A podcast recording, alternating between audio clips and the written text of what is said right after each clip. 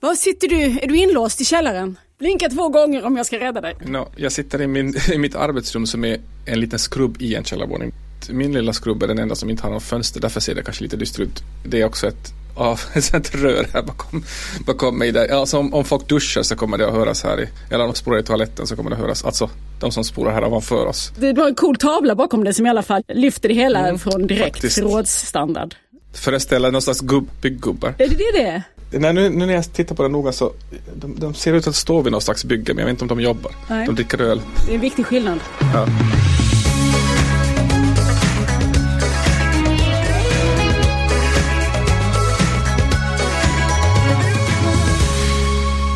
Hej, jag heter Lisa Tallroth. Det här är Pocketpodden avsnitt 87. Vi kan säga att Philip Teirs senaste roman Jungfrustigen är en kärleksroman. En berättelse om kärlekens berusande, tvingande kraft att kullkasta liv och vardag. Vi kan också säga att det är en skilsmässoroman om vad som händer sen och den omöjliga uppgiften att göra rätt. För mig är den här romanen som en ömmande lös tand. Det går inte att sluta vicka för det gör ont och är skönt på samma gång. Och sen på det finska temat ska vi också prata om Sofie Oksanens roman Hundparken. Sofie Oksanen är en av många heta namn den 8 mars då Bonnierförlagen ställer till med stort evenemang Årets Selma. Så ser det ut och nu drar vi igång. Välkommen till Pocketpodden Filip Teir. Tack och vilken fin beskrivning. Det där med tand känns, känns på något sätt helt rätt precis sådär liksom tänker jag mig också att det är för Rickard i boken. Vi måste bara presentera dig lite kort först. Författare är du förstås, det här är din tredje roman. Sen är du också välbekant, inte minst för Dagens Nyheters läsare som kulturjournalist. Ska vi ha något mer med tycker du i presentationen av Filip Teirs yrkesperson? Ja, alltså jag skriver ju, när jag skriver för det, jag skriver kulturgrejer, men jag skriver också eh, nyhetsgrejer. Så jag jobbar lite som, som korrespondent sådär. Idag har jag hållit på med en grej om, om finländare och, och finländares kontakter. Alltså det finns siffror som visar att finländare har, liksom normala år har man färre kontakter än i många andra länder. Hälften av det som italienare har. Liksom. Kontakter det, med andra det, människor alltså? Ja, ja, precis. Kontakter med andra människor. Man har färre, mindre nätverk. Det är ju bara intressant sådär ur, ur liksom de här coronasiffrornas uh, synpunkt att finländare då liksom logiskt sett då borde ha haft mindre smittspridning eftersom man helt enkelt träffar färre människor. Sen kom ju restriktionerna och de påverkar ju förstås i alla länder men innan restriktionerna kom. Jag trodde du skulle komma in på det psykiska lidandet, att det då har varit mindre i Finland eftersom man, man helst har det så här. Men det kommer jag faktiskt också in på i den där artikeln jag skriver. Det blir liksom mindre mindre kontrast till det normala livet om man också under normala år har äh, färre kontakter. Nu hörs, man, nu hörs det här i mitt rum för övrigt om ni hör något ljud. Det är spårvagnen som åker ovanför här. Du skriver ju det någonstans, eh, det är förra romanen, den som kom 2017. Gud, nu tappar jag titeln. Säg vad den heter. Så här upphör världen, ja. Ja, då, då låter du en av personerna där berätta att finländare är inte så bra på att ha det bra, men är bra på att ha det svårt. Precis, alltså det där har jag tänkt på också nu när, jag, när man har följt nyheterna det här senaste året. Att det är, alltså det, kanske till en viss gräns. Jag tror att folk börjar vara lite trötta nu efter ett år. Men det fanns ju siffror i höstas som visade att finländarna tyckte att, att det var liksom jämfört med i många andra länder att det var relativt lätt att leva under de här restriktionerna. Och det kan ju då bero på just att man har annars också mindre kontakter. Men sen det kan ju också ha att göra med liksom lynne och sånt. Men det är väldigt svårt att göra sådana generella slutsatser kring det för folk är ju också individer. Så det, det är liksom kul att spekulera men det är samtidigt sådär, det blir lite farligt att spekulera, spekulera kan jag tycka ibland. Hur är det för dig då? No, jag är ju författare och liksom frilansjournalist. Mitt jobb är också i övrigt liksom mycket att sitta här nere i min, min, min källarskrubb. Men hur folk har upplevt det här året är ju också helt enkelt att det har varit ganska lite smittspridning i Finland. Det, det kommer inte riktigt lika nära inpå. När jag, när jag var förra veckan och intervjuade lite folk angående det här med kontakter då, då var det, var det liksom ingen som jag pratade med som hade varit sjuk. Och det är ju väldigt stor skillnad till, till mina vänner i Sverige som, som i princip alla har haft corona. Men jag tänker en sak som ju ändå har drabbat dig det är att du kom ut med en roman i våras precis Absolut, när eh, coronan slog till och eh, verksamheter stängde ner. eller den kom ut den 10 mars och den 16 mars hade regeringen i Finland en presskonferens där de liksom i princip sa att de stänger allt. Men det har jag ju fått uppleva under det året att um, alltså ljudbokens liksom genombrott i, i bokläsande för att jag tror att vi är lite efter i Finland när det gäller ljudböcker men det kom vi, det liksom kom vi ju kapp i år i och med att när allt stängde så, så har folk verkligen lyssnat mycket på ljudböcker och min roman blev översatt till finska också. Och det var liksom en av vårens stora hits på mitt förlag på finska, just som ljudbok. Mm. Och um, nu, nu vill jag ju då komma in på Jungfrustigen mm. och när vi har hört dig presentera dig själv här så ser vi ju också att det finns en del uppenbara likheter mellan, ja. mellan dig och din huvudperson Rickard. Och den yttre handlingen i den här romanen kan ju sammanfattas ganska kort. Jag tänkte bara ge den då att vi har Rickard som är gift med Sonja. De har gift sig ganska ungt och nu lever de här i romanens början i Helsingfors med sina två barn som är så här i 10-14 års åldern. Va? Och sen på en förlagsfest så träffar Rickard den 15 år äldre Paula och även om det inte är uppenbart för Rickard så förstår ju läsaren att det här är kärlek vid första ögonkastet och efter mycket vånda så bestämmer han sig för att lämna Sonja och då börja bygga en ny tillvaro med Paula. Och det är ju då något som bland vardagens alla praktikaliteter och för alla inblandade inte alls är särskilt enkelt. Så där har vi liksom skalet och berätta vad som är upprinnelsen till den här romanen. Varför ville du skriva den? Um, jag hade, alltså sådär rent som, som författare, alltså rent romantekniskt eller stilistiskt eller hur man ska säga, hade jag en, en lust att skriva en bok som låg, låg sådär väldigt nära mitt eget liv. För att jag, för att jag efter två romaner hade lite som uh, Rachel Cusk som jag nu inte annars vill jämföra med, med, med hon sa i någon intervju att hon, att hon hade lite hon kände sig liksom lite fånig när hon började skriva en ny bok och det fanns någon som hette Bill och någon som hette liksom Diana och så ska man försöka få dem att liksom göra någonting och så ska de så, ja alltså det känns lite fånigt ibland med de här fiktiva namnen och fiktiva personerna och så här. I min bok har jag ju fiktiva namn och så här, men jag, jag hade liksom lite lust att se hur mycket hur mycket närmare jag skulle kunna komma liksom romanpersonens känsloliv om jag skulle försöka ha liksom så här filterlöst skrivande. Jag började till och med skriva så här jag, jag-form och, och bara märkte efter ett tag att det liksom att det funkar inte för mig. Det är inte så enkelt utan det visade sig att det var blev liksom nästan så att det kom ett filter emellan när jag försökte skriva jag-form. Nästan som någon slags självcensur och sådär. Fast man, hur mycket en försöker så kanske man inte riktigt kan allt. Alltså det beror ju mycket på vem man är och vem man är som skribent. Men det, för mig blev det i alla fall så att jag märkte att det där funkar inte. Så då, då bestämde jag mig ändå för att jag skriver en roman som jag i samma form som de tidigare. Men jag, jag har lite den där principen ändå att försöka hålla mig, att inte försöka, att inte i onödan hitta på liksom yrken eller, eller liksom lätt maskera någonting utan, utan höll mig ganska nära det som jag själv upplevt. Så det är en autofiktiv roman kan vi helt enkelt slå fast. Det är många erfarenheter som du delar här med eh, Rickard. Ja, det kan man säga att det är och sen kan man ju då diskutera nödvändigheten, nödvändigheten i att liksom veta det som läser, det vet jag inte om.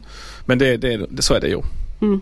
Har det blivit svårare att prata om den här romanen just därför att du också har varit tydlig med att den är autofiktiv? För det är ju också en diskussion om vad äktenskap är, vad skilsmässa innebär. Ärligt talat så tycker jag inte att det alls, alls är något problem. Eftersom jag en gång har skrivit om det så känns det som att jag har liksom redan öppnat för att prata om det. Så jag har inte upplevt att det har varit särskilt konstigt eller, eller genant eller sådär att prata Nej. om det som sker i boken. Om man har läst dina tidigare böcker så vet man ju att du har ju varit ute lite efter att um, sätta kniven i äktenskapet tidigare. Eller vi kan mm. kalla det undersöka det lite mer ja. neutralt. Precis. Jag, det var, eh, jag läste om din roman Vinterkriget från mm. 2013. Och där har du ju en eh, definition som du låter hustrun i den historien ge. Och när hon får beskriva äktenskapet så säger hon att det är en form av ömsesidig tyranni. Som att leva i en högst funktionell totalitär stat. Valmöjligheterna var få men så länge man höll sig till sitt och inte ifrågasatte så fungerade det. jo, jag ska skratta, skratta åt mina egna grejer men det är, som, det är så konstigt när, när du citerar det där för jag, jag kommer ihåg det nu när du säger det men jag har helt glömt bort att jag har skrivit det där. Den, den romanen är skriven i lite mer satirisk stil kan Precis, man säga. Ja. Så du drar det till sin spets. Men jag undrar ju ändå nu om det här handlar om att du inte riktigt tror på idén om äktenskap. Ja, men jag, jo nej, alltså, alltså jag tror ju delvis lite att det handlar om, jag tror faktiskt på det där att det finns människor som, som är liksom jag vet inte, ämnade för varandra är kanske fel ord, fel, fel liksom beskrivet, men att mer eller mindre att folk, vissa människor har väldigt bra kemi och kan leva tillsammans liksom väldigt länge och må väldigt bra av det. Det tror jag absolut. Sådana såna par finns det ju. Och det betyder ju inte att det här är par som inte grälar och så. Det kan ju vara till och med så att, att sådana som grälar mycket och har mycket konflikter och så här är just de som, som växer tillsammans och, och liksom så här, eh, det tror jag att det kanske snarare är så att de som har möjlighet att liksom hela tiden utvecklas tillsammans är de par som, som klarar av ett äktenskap. Eh, så jag vet inte om det där, det är ju en, för det är ju ändå bara en etikett man smäller på något, att är man gift eller inte. Äktenskapet liksom i sig är ju, det är väl förhållanden vi pratar om. Att om jag tror på tvåsamhet sådär, typ for life. Och som jag sa, jag tror att det kan funka faktiskt jättebra för vissa. Eh, om det nu råkar sig sådär att man, alla människor går ju igenom olika livskedjor och det är ju verkligen sådär att det är väldigt få som, som inte utvecklas i sina liv, alltså som, som inte har olika kriser eller som inte har olika behov av att, att, att, att liksom bli någon annan. Så om det där liksom lyckas tillsammans med någon annan så är det ju jättebra men det är ju inte konstigt att, att det är svårt idag när vi också i övrigt har som en helt annan möjlig, möjlighet att välja olika alternativ för våra liv. Så det, jag tror att det hör ihop att det blir svårare då. För det som är central grej här tänker jag, det är ju att Rickards äktenskap som han har med Sonja, det är ju jag vet inte om vi ska dra till med att säga att det är ett lyckligt äktenskap, jo. men det är ju i alla fall inget, inget större fel på det. Nej. Han älskar Nej. Sonja, de har varit tillsammans väldigt länge, de Precis. har två barn. Så varför vill han skilja sig? Det där är ju lite också på sätt och vis bokens idé eller kärnfråga är just det där med att, att finns, det, finns det någon orsak till att, att hålla sig kvar för att liksom just enligt den här principen att don't uh, fix something that's not broken. Jag tror att han frågar sig mycket så kan det finnas någonting positivt med att att helt enkelt tvinga fram en stor förändring för att, bara för att, liksom, att få bli någon annan eller för att få, för att få till stånd en, en sån här liksom en större utveckling i liksom vem... Jag tror att i, i det här fallet med dem, med dem alltså Sonja och Rickard så handlar det mycket om det där i och med att de har träffats så väldigt unga så har de också vuxit upp liksom delvis tillsammans och därför har ganska definierade roller i, i sitt förhållande till, till varandra.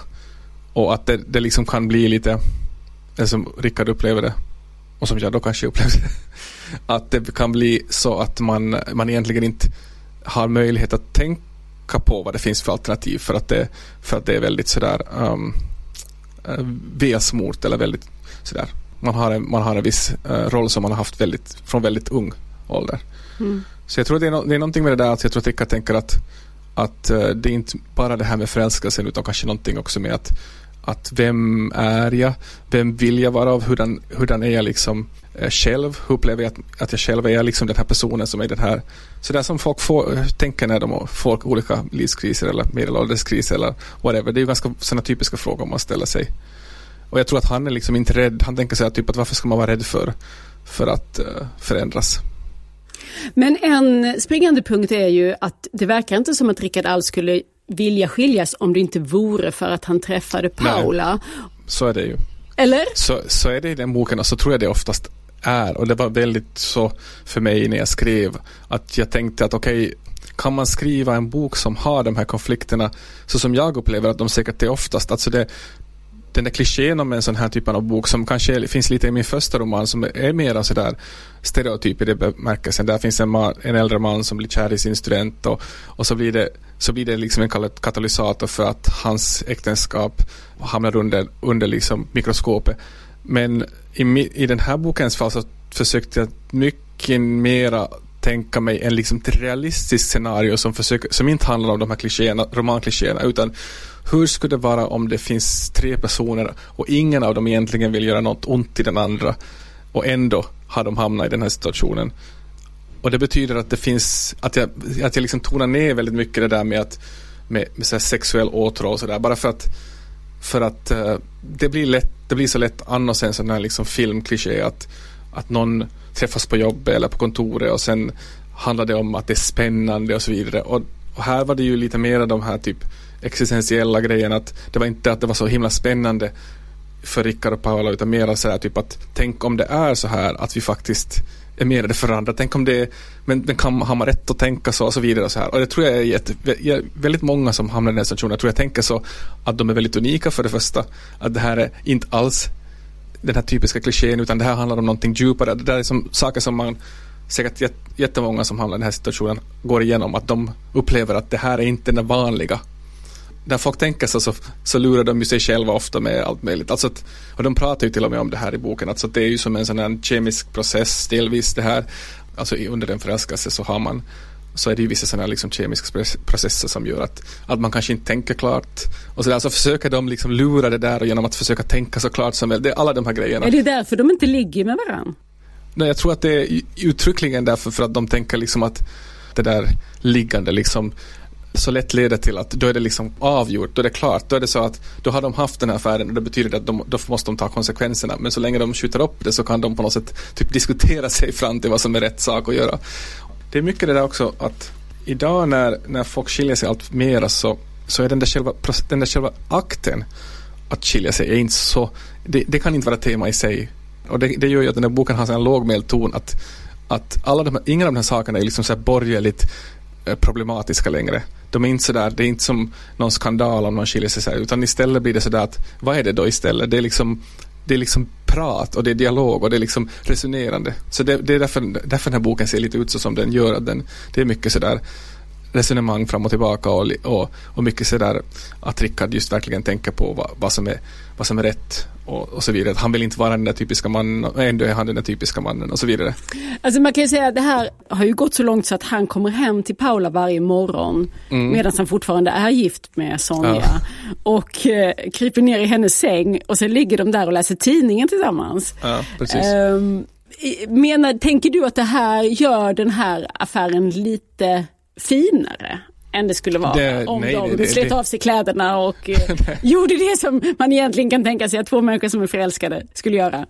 Nej, det tror jag inte att det gör det finare, tvärtom, men jag tror att de tänker att det är finare, att de, att de har liksom på något sätt lurat systemet och sådär. Jag tror att många gör, äh, tänker också att de, att de, gör, de gör upp sådana här lite regler för sig själva och på det sättet kan på något sätt tänka att de är liksom unika. Så, så, så, tror jag det är mycket. Du var inne på det här med att, eh, med att man vill undvika klichéer. Att de vill undvika klichéer, att vara klichéaktiga, att Rickard vill undvika det. Men mm. Sonja då, Rickards fru, hon är ju helt inne på att han är en vandrande kliché. Därför att hon talar om hans rastlöshet. Att ja. en är det det ena, en är det det andra. Han vill flytta, han vill köpa sommarhus, de kanske ska skaffa ett tredje barn. Det ska vara någonting nytt liksom med jämna mellanrum. Och eh, jag tänkte på, det, var, det är ju en del eh, läsare som också har tagit fasta på det här som lite ställer sig på Sonjas sida. Där jag tänker på att eh, Amanda Svensson i Expressen skrev, eller i alla fall fick hennes recension rubriken Medelklassen skiljer sig för att få tillfällig tröst det var väl kanske både ordet medelklass och tillfällig som, som skulle betonas där i den rubriken. Mm. Och eh, jag vet inte om du ställer upp på det, att han är på jakt efter tröst. Eh, eller att det är rastlöshet som han ska bota snarare än någonting annat. Jag tror att eh... Du vet, du vet när liksom Lena Andersson gav ut sina böcker om Ester Nilsson så när hon blev intervjuad så var han ju väldigt, väldigt lojal med Ester Nilsson överallt. Och jag tror att, att jag kan tänka sig att hon kanske inte såg alla, alla liksom eh, nivåer av Ester Nilsson som person som, som vi som läsare kunde se. Jag tror det är lite samma för mig. Jag har ju liksom sett via andra läsningar och via liksom folk, som jag, folk som har läst boken jag pratar med och via recensioner att det finns det finns liksom nivåer av, av Rickard som är mycket löjligare än vad jag kanske liksom tänkte att och det, det är ju bra, eller det, det är ju liksom en bra grej att, att författaren vet inte alltid vad, vad liksom boken säger och sådär. Men sen för mig personligen så, så, var det också viktigt att den här boken skulle vara liksom romantisk. Att det faktiskt skulle vara så att, att läsaren kan tänka att ja men kanske de absolut bör vara ihop. Det är någonting med de här två. Det var jätteviktigt för mig. Så jag, och jag är fortfarande av den åsikten att, att, eh, att det är så och att det inte är tillfälligt. Jag vill ändå liksom tro att han, att han har rätt när han gör liksom det här valet.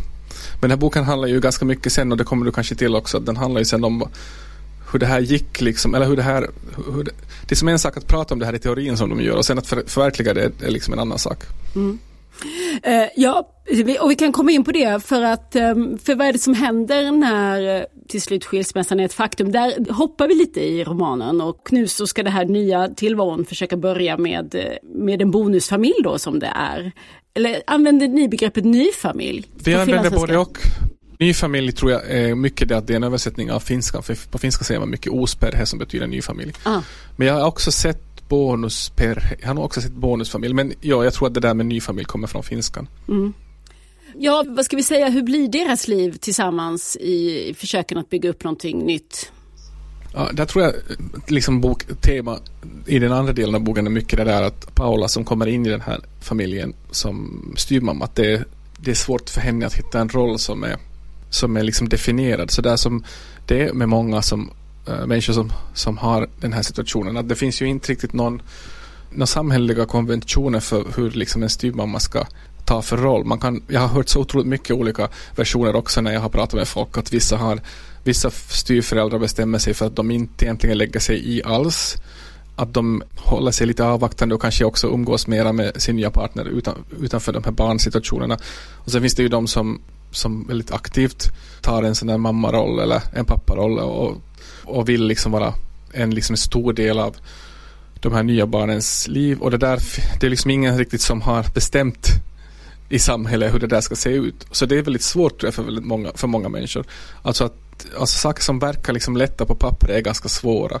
För uh, man har sina gamla roller, man har sina, uh, väldigt mycket det här är det ju också att att Rickard i boken har dåligt samvete för att han har gjort det här vilket gör att han liksom vill kompensera det sådär mot barnen vilket gör att det är svårt att då enligt Paulas erfarenhet då svårt att få en, få en välfungerande liksom vardag alltså en tråkig vardag Eh, att få igång en sån om det liksom hela tiden finns det där att det ska vara lite kul för att det har varit så jobbigt det här. Alltså sådana grejer. Och det där ser jag, det där har jag hört, hört många människor som har, som har haft problem med det verkar finnas någon slags tankefigur hos Rickard och kanske framförallt hos alla som står runt om och, och tar sig lite friheten att bedöma och recensera ja. det här som händer. Eh, jag tänker på Rickards familj till exempel, hans Precis. mamma är ju allt annat än nöjd med den här skilsmässan. Och eh, att, eh, att hur det går sen, hur det går i det här nya, det så att säga är avgörande för om skilsmässan var rätt eller fel. Men det är ju så, jag menar det är ju, det är ju nästan sådär liksom, jag vet inte, bibliskt eller vad man, vad man ska jämföra med att folk har, att folk har liksom gjort något som de måste eh, liksom göra bot för eller som de måste kompensera på något sätt. Vilket ju egentligen är ju eh, i, en sån här situation egentligen väldigt kontraproduktivt för att, för att eh, det där dåliga, dåliga samvetet hjälper inte riktigt någon. Eller den där, det där att att eh, kompensera hjälper inte riktigt någon och, utan det tvärtom kanske skulle vara enklare om, om det inte skulle finnas däremellan. Så att, men eh, äh, sådana här familjeenheter är ju liksom verkligen komplicerade saker och det kan ju hända då att, att det är något sånt som ligger, ligger liksom till den här kraftiga reaktionen från familjen kanske också reflekterar, liksom den kanske berättar någonting om, om familjens liksom för, föreställning om vad som är normalt eller vad som är, vad som är liksom status quo och kanske det som jag var inne på här tidigare med Rickard att han, att han tänker att finns det, finns det rum inom den här liksom livssituationen jag är i att, att bli någon annan det kanske får sitt svar sen i, i andra delen att han, att han verkligen, den kraftiga reaktionen från, från familjen liksom tyder på att det verkligen har, inte har varit så lätt att vara någon annan i den där, i den här liksom, ja. De där bojorna man inte känner så länge mm. man sitter helt still. Nej, precis, precis. Men du, jag tänkte på, du har ju varit inne på att det är en autofiktiv roman och ja. Ehm, på den vinkeln så skulle jag vilja prata om barnen i ja. Eh, romanen. För att, eh, det var en artikel i DN som du skrev 2019. Jag tänker att det måste varit ungefär samtidigt som du höll på att jobba med Jungfrustigen. När barnen hamnar i föräldrarnas böcker skrev du om mm. och hur starkt du reagerade på när Märta Tikkanen berättade mm. om hur hon hade låtit sina barn, sin son var det här väl i det exemplet, eh, få ha synpunkter på hennes texter. Hon hade också ändrat saker i texterna efter önskemål från barnen. För hon skriver ju om sin familj och sitt ja. familjeliv. Och här i din roman så finns det också två barn som såklart eh, påverkas, som reagerar på 10-11-åringars vis systern där är väl mer åt tonåren till, det är två barn. Och de kommer ju delvis i kläm i den här skilsmässan. Och hur tänkte du då kring det där? jag tänkte ganska mycket på det där och um, det är ju liksom i Mätt fall så var det ju så att, att hennes son var ganska ung och hon hade skrivit en dikt, Århundradets kärlekssaga, som är ganska, liksom, den är ganska rå om, om du har läst den. Så jag reagerar lite på det där med att det finns ju liksom någon, någon gränslöshet i överhuvudtaget att skriva och att, att använda sig av sin sin liksom närmiljö. Men det finns också någonting nästan lite gränslöst med att be, be då någon från den här närmiljön liksom ha en, ha en synpunkt på något som, som ändå i någon mening alltid är fiktion i någon mån. Och, och att det liksom på sätt och vis bryter man ju det där, det där fiktionskontraktet när man ber någon kommentera, speciellt kanske ett barn som inte har möjlighet att liksom kanske föra några teoretiska resonemang om vad som är fiktion och vad som är, vad som är sant. Eh, att, att på sätt och vis då säger man ju det här är sant och det här vill jag att du ska, ska liksom ha en åsikt om. Så jag, jag reagerar själv på att det där är kanske en väg som jag nu inte ska gå. Men för det är ju ändå, jag har liksom själv som författare upplevt lite att att de där sakerna är liksom oftast lite oväntade så att när man skriver om något kan man ha liksom lite ångest för att det här, här ligger ganska nära sanningen. Jag hoppas att ingen blir upprörd. Sen när man har gett ut en bok så brukar det oftast vara lite oväntade saker. Det är, ofta, det är, liksom, det är inte alltid så att det där det kan vara någon som man inte överhuvudtaget har tänkt på som kan hitta sig själv i boken. Alltså det, det, det, funkar på ett annat sätt än vad, man kanske än vad man tänker. Det är inte sådär ett i ett i, i, till vardagen. Men i mitt fall så när det gällde liksom de vuxna eh, som, som förekommer i boken så gjorde jag det beslutet att jag lät dem läsa manus. Och sen när det gäller barnen så när jag väl hade skrivit den här, det här första utkastet så hade det gått så pass länge sedan skilsmässan. Och, och det hade också liksom jag upplevde ändå att de hade, de här barnen i boken hade liksom på något sätt form, fått sådana egna liksom personligheter. Att jag, jag bara upplevde att det här är liksom, det här är, den här boken har sin egen liksom fiktiva värld. Men uh, jag har nu, åtminstone sådär nu ett år efter att den här boken kom så jag har nu på något sätt haft tur med det i alla fall. Att jag har inte upplevt, det har inte liksom på det sättet lett till någonting, något problem i, i, vår, vår familj. Men jo, så, så det där är, det är en svår fråga. Men jag tror att jag inte skulle ha gjort, jag skulle ha på något sätt upplevt att det skulle vara lite väl mycket ansvar att lägga på dem att be dem, be dem läsa manuset. Det finns ju en metanivå i, i romanen i det att Rickard, som ju nu är författare han också, ska sätta igång med att skriva en roman och han börjar ju då faktiskt skriva om sina egna upplevelser och hans förläggare dyker in där och undrar om inte detta kanske ligger lite nära i tid. Du kanske inte är mogen att mm. behandla det här i romanform än. Och vilket får mig ändå fundera då på hur långt tillbaka i tiden ligger din skilsmässa och när blev den möjlig att skriva om? Det ligger ungefär sex år nu tillbaka. Fem, fem och ett halvt ungefär. Nej, det som jag nämnde i, i början av den här, vårt samtal var ju det att, att jag försökte skriva jag. Och det gjorde jag i början. Eller inte sådär, inte, inte medan det på. Men kanske så typ ett år efter. Och det funkar inte och det blev liksom det var, då var det väldigt starkt det där just att jag märkte att jag liksom försökte skydda människor och sen försöka skriva om. Det gick inte alls det, det, det, är liksom, som jag sa, det är lustigt för att man tänker att okej, okay, men om jag helt och hållet tänker mig att den här texten kommer aldrig att läsas av någon, om jag bara skriver rakt. Så det funkar inte riktigt heller, alltså om man, det, om, i alla fall inte för mig, för att det, man har en viss sån skriv liksom personlighet och en viss berättarröst och en viss, ett visst sätt att skriva så, så det, det är inte så att man, man kan liksom helt och hållet bestämma sig för att skriva på ett visst sätt. Jag tror inte att det riktigt går så enkelt du är på Rickards förläggares sida här. Han ska, jo, jo. han ska inte göra det här så omedelbart. Nej, nej. och sen kan, ja men vi vet ju alla, vi har ju hört, det finns ju lyckade och mindre lyckade exempel på, du vet, skilsmässoplattor. Jag menar, jag tänker på Björk, hon har skrivit, hon har skrivit många bra, har gjort många bra skivor. Hon har, hennes liksom skilsmässoskiva, jag minns inte vad den heter på raka, men det är liksom kaos. Det är ju ett tillstånd. Det, det är ett tillstånd, det är ett helt riktigt tillstånd, men det är inte kanske det bästa det blir inte kanske bäst output alltid när det är kaos. Så det, men det finns ju lyckade exempel också. Så om en konstnär liksom når den där liksom absoluta, det där absoluta ögonblicket av klarhet och lyckas få ner det på, på papper, eller, det, är ju, det är ju fantastiskt om det går. Men man kan ju leka med tanken på hur, om du skulle berätta samma historia om 20 år eller 10 år. Jag har, jag har faktiskt tänkt på det, alltså inte att jag ska göra det, men jag har tänkt på det ibland under det här året. Att uh, det som en begränsning som jag hade när jag skrev den här boken var att jag ville inte skriva en, en bok som hade samma upplägg som mina tidigare där jag, hade, jag ofta haft flera personer som huvudpersoner. Alltså att jag har ofta så typ flera personer inom en familj. Men det var liksom svårt att göra i det här fallet för då skulle jag liksom måste skriva sådär typ min exfrus synpunkt. Det blir liksom lite att göra våld på hela allt. Liksom, att det, ja, så det undvek jag. Men det kan ju hända att om, om 20 år så skulle jag ha, liksom, eller om 10 år så skulle det kännas helt ett, liksom ett möjligt, ett möjligt sätt, sätt att närma sig det här. Men eh, tänker du att um, du har behövt landa på ett bra ställe själv för att kunna berätta den här historien? Det tycker jag, det där liksom är en jättebra fråga tycker jag för att för det, det kommer nå, någonstans nära det som, som, som det här bokprojektet också liksom den vånda som, som jag hade när jag skrev. Alltså att, att måste jag landa i någonting eh, säkert på något sätt innan jag skriver eller, eller i själva boken.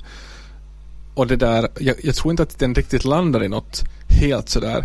Jag har en känsla av att jag lämnar det lite öppet i boken men, men den där frågan som du, du ställer handlar ju också om det att var man befinner sig i själv när man skriver. Alltså har man själv kommit någonstans till något slut. Uh, och, alltså jag, jag hade på, dess, på sätt och vis inte riktigt gjort det när jag, när jag lämnade in liksom slutgiltiga manuset. Om jag ska vara helt ärlig för att det ändå det fanns ändå liksom frågor i luften vilket jag på sätt och vis jag menar sånt är ju livet alltså. Vem, inte, knappast är du heller helt, helt knappast är någon helt på, på en sån plats i, i livet.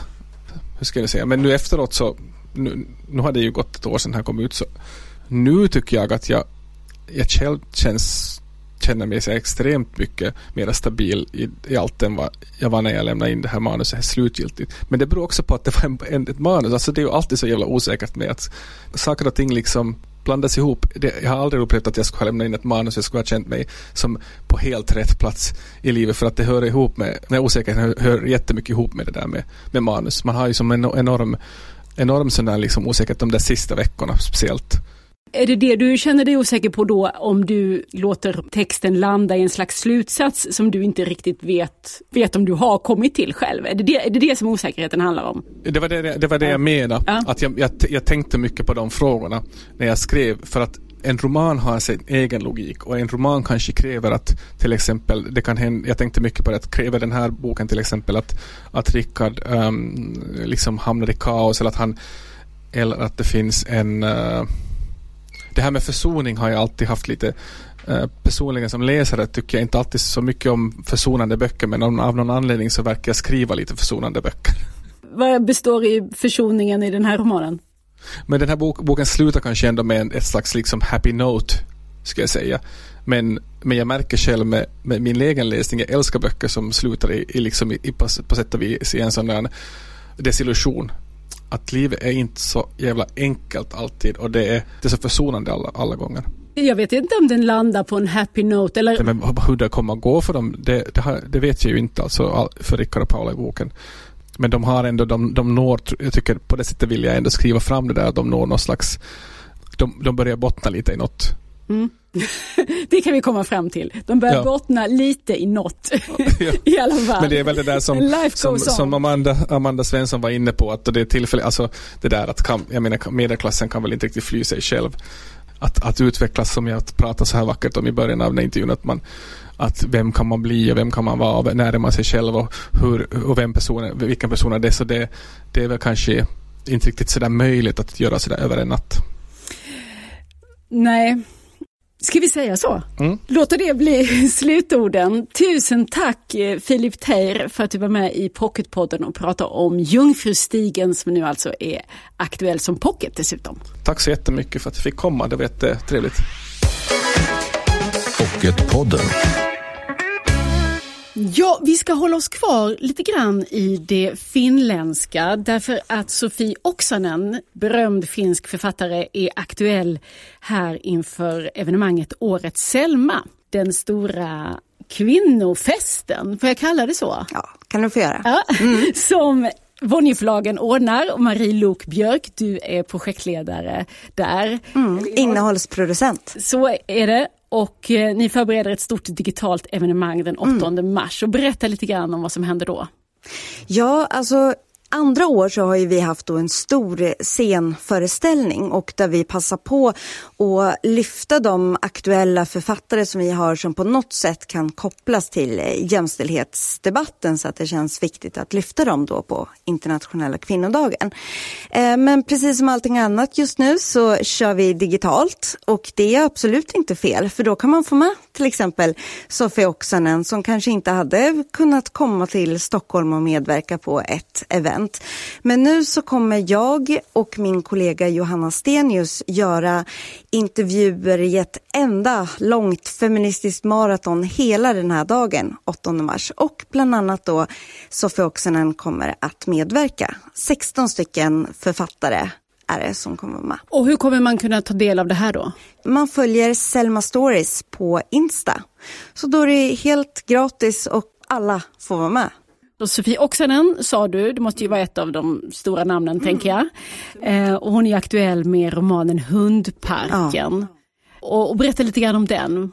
Ja, det, den känns så aktuell så man blir så överlycklig när man kan boka en sån författare till eh, till den här föreställningen. Nej, men den handlar ju om ett väldigt aktuellt och eh, omdebatterat ämne, surrogatmödraskap. Och nu i pandemins tider har den frågan blivit ännu mer aktuell. Man har ju tidigare pratat om kvinnors kroppar och på vilket sätt de säljs och köps. Men nu plötsligt så har vi också barnens perspektiv. För det som har hänt nu är att barn som blivit till genom surrogatmödraskap, de ligger nu på kliniker och eh, helt enkelt väntar på att bli sålda till föräldrar som ju inte kan komma och hämta dem för att eh, man inte får resa. Um, och det här lyckas då Sofie Oksanen porträttera så otroligt fängslande i den här boken. Och ehm, precis som hon säger själv att hade, det, hade hon bara skrivit det här och hittat på så hade folk tyckt liksom att nej men nu går det för långt. Det, det, här är ju helt osannolikt. Men det värsta är att det verkligen är sant och hon har gjort otroligt eh, grundlig eh, research eh, så hon tar sig an det här ämnet på ett väldigt bra sätt. Den här tror jag absolut att man också kan fängslas av även om man inte brinner för feministiska frågor lika mycket som jag. Man kanske inte ens har reflekterat så mycket om vad man tycker om surrogatmödraskap. Men då kan man se det här som en bladvända thriller som man bara vill veta vad som kommer hända med, med de här personerna och kunna se det så just för att hon är en sån otroligt språkligt, tekniskt eh, superskicklig författare. Ja, det ska bli spännande att höra då Sofie Oksanen prata mer om sin roman Hundparken den 8 mars på ert evenemang. Och, och Selma Stories. Selma Stories Årets Selma heter väl själva Ja men precis, men Selma Stories är ju vår superkanal då som finns på både Instagram och eh, Facebook och som ju är Bonnierförlagens redaktionella kanal. Och sen ska det delas ut pris också? Ja precis. Det är ju inte bara ett event utan det är ju också ett feministiskt pris. Så det är ju någonting som vi, en jurygrupp då från eh, med representanter från hela Bonnierförlagen och eh, nominerar eh, kandidater och nu har vi utsett eh, två vinnare. och det finns inget annat så renodlat feministiskt pris. Så det, det har blivit väldigt fint uppmärksammat och vi har alltid haft också prisutdelare som, som mer än gärna har velat komma och just dela ut och det har då varit eh, stora politiker, eh, Alice Bah Kuhnke när hon var kulturminister och jämställdhetsministern har vi i år och eh, ja, det är kul. Det har vuxit sig större och större både eventet och eh, priset. Mm. Men du har fler böcker med dig och det är en annan gäst som kommer att dyka upp på årets Selma-event. Den här, får jag titta på den? Kvinnosaker, den vill man bara titta på för att den är så jäkla snygg. Ja precis, den är, det är en sån här man känner att man vill bläddra och det är gott om bilder också. Mm. Eh, kvinnosaker av historikern Karin Karlsson. Ett sekel av kvinnohistoria genom 50 föremål. Jag tänker P-piller och diskmaskin direkt, är det den typen av saker som ja. det står om i den här? Absolut, och sen är det väldigt många saker som du kanske inte tänker på lika mycket som träningsskon till exempel. Kvinnor fick ju inte utöva sport alls på samma sätt som män och eh, absolut inte just maraton och tävling och därför gjordes det ju heller inte skor anpassade för kvinnor. Så det var ju lite klurigt för, för de kvinnor som verkligen ville utöva sport. Sen kan vi också ta cykeln. Det kanske inte är någonting som du direkt tänker liksom som en feministisk sak eller en kvinnosak. Men när cykeln kom, eller stålhästen som den ju kallades då, då var det männens transportmedel. Kvinnor skulle absolut inte hålla på med det. Och ja, män med makt har ju alltid hållit på på lite olika sätt då för att försöka begränsa kvinnor. Och argumenten den här gången, kan du gissa vad det var? Då var ju det att eh, det kunde leda till ofrivillig underlivsmassage. Så dessa kvinnliga cyklister kunde ju bli onanister. Aha. Så det är klart att de inte får använda den.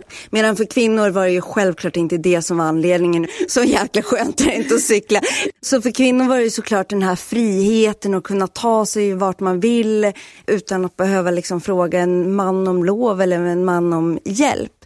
Kvinnosaker heter den här boken som historikern Karin Karlsson har skrivit och det, hon är också gäst hos er. Ja, precis. Hon kommer vara med och det kommer också Lina Tomsgård från Kvinnohistoriska, Stockholms kvinnohistoriska. För den här boken är ett eh, samarbete med, med det museet. Så båda de kommer att eh, prata. Mm. Är det några andra gäster du vill eh, skryta med att ni har den 8 mars? Alltså, jag vill ju skryta om, om alla. I år har vi ju eh, kunnat boka utländska författare på ett annat sätt eftersom det är digitalt. Så då har vi Kathleen Moran, vi har Britt Bennett, sen har vi eh, Sidori Poli och hennes bok eh, Konsten att lyckas i en vit värld. Vi har Lovette Yellow, Främling i vita rum. Happy Jankell kommer med sin eh, första roman som släpps precis där runt 8 mars. Livlina heter den. Anna Ardin tror jag jättemånga har eh, hört om nu i skuggan av Assange. Johanna Wester kommer med en spännande bok som ni får hålla span på i april som heter Catfight, nidbilder av kvinnor i grupp. Och hela programmet finns ju på Selma Stories. Ja, och det är egentligen bara att eh, gå in och följ Selma Stories på Instagram redan nu så kan jag lova er att ni kommer inte missa. Och alla medverkandes böcker kommer också att säljas till eh, specialpris. Och allt sånt länkar vi och så. Så jag hoppas verkligen att vi hörs och ses då. Den 8 mars då, Japp. internationella kvinnodagen. Tusen tack Marie Lok Björk för att du kom hit och eh, lycka till nu med evenemanget. Ja, tack. Nästa vecka är Jens Lapidus gäst här i Pocketpodden. Hans nya roman Paradis City skildrar ett framtida Sverige, inte särskilt långt bort och allt annat än ett paradis. Tills dess, följ oss gärna i sociala medier. Där heter vi Älska Pocket och jag heter Lisa Tallroth. Hej då! Du har lyssnat på Pocketpodden. En podd från Bonnierförlagen.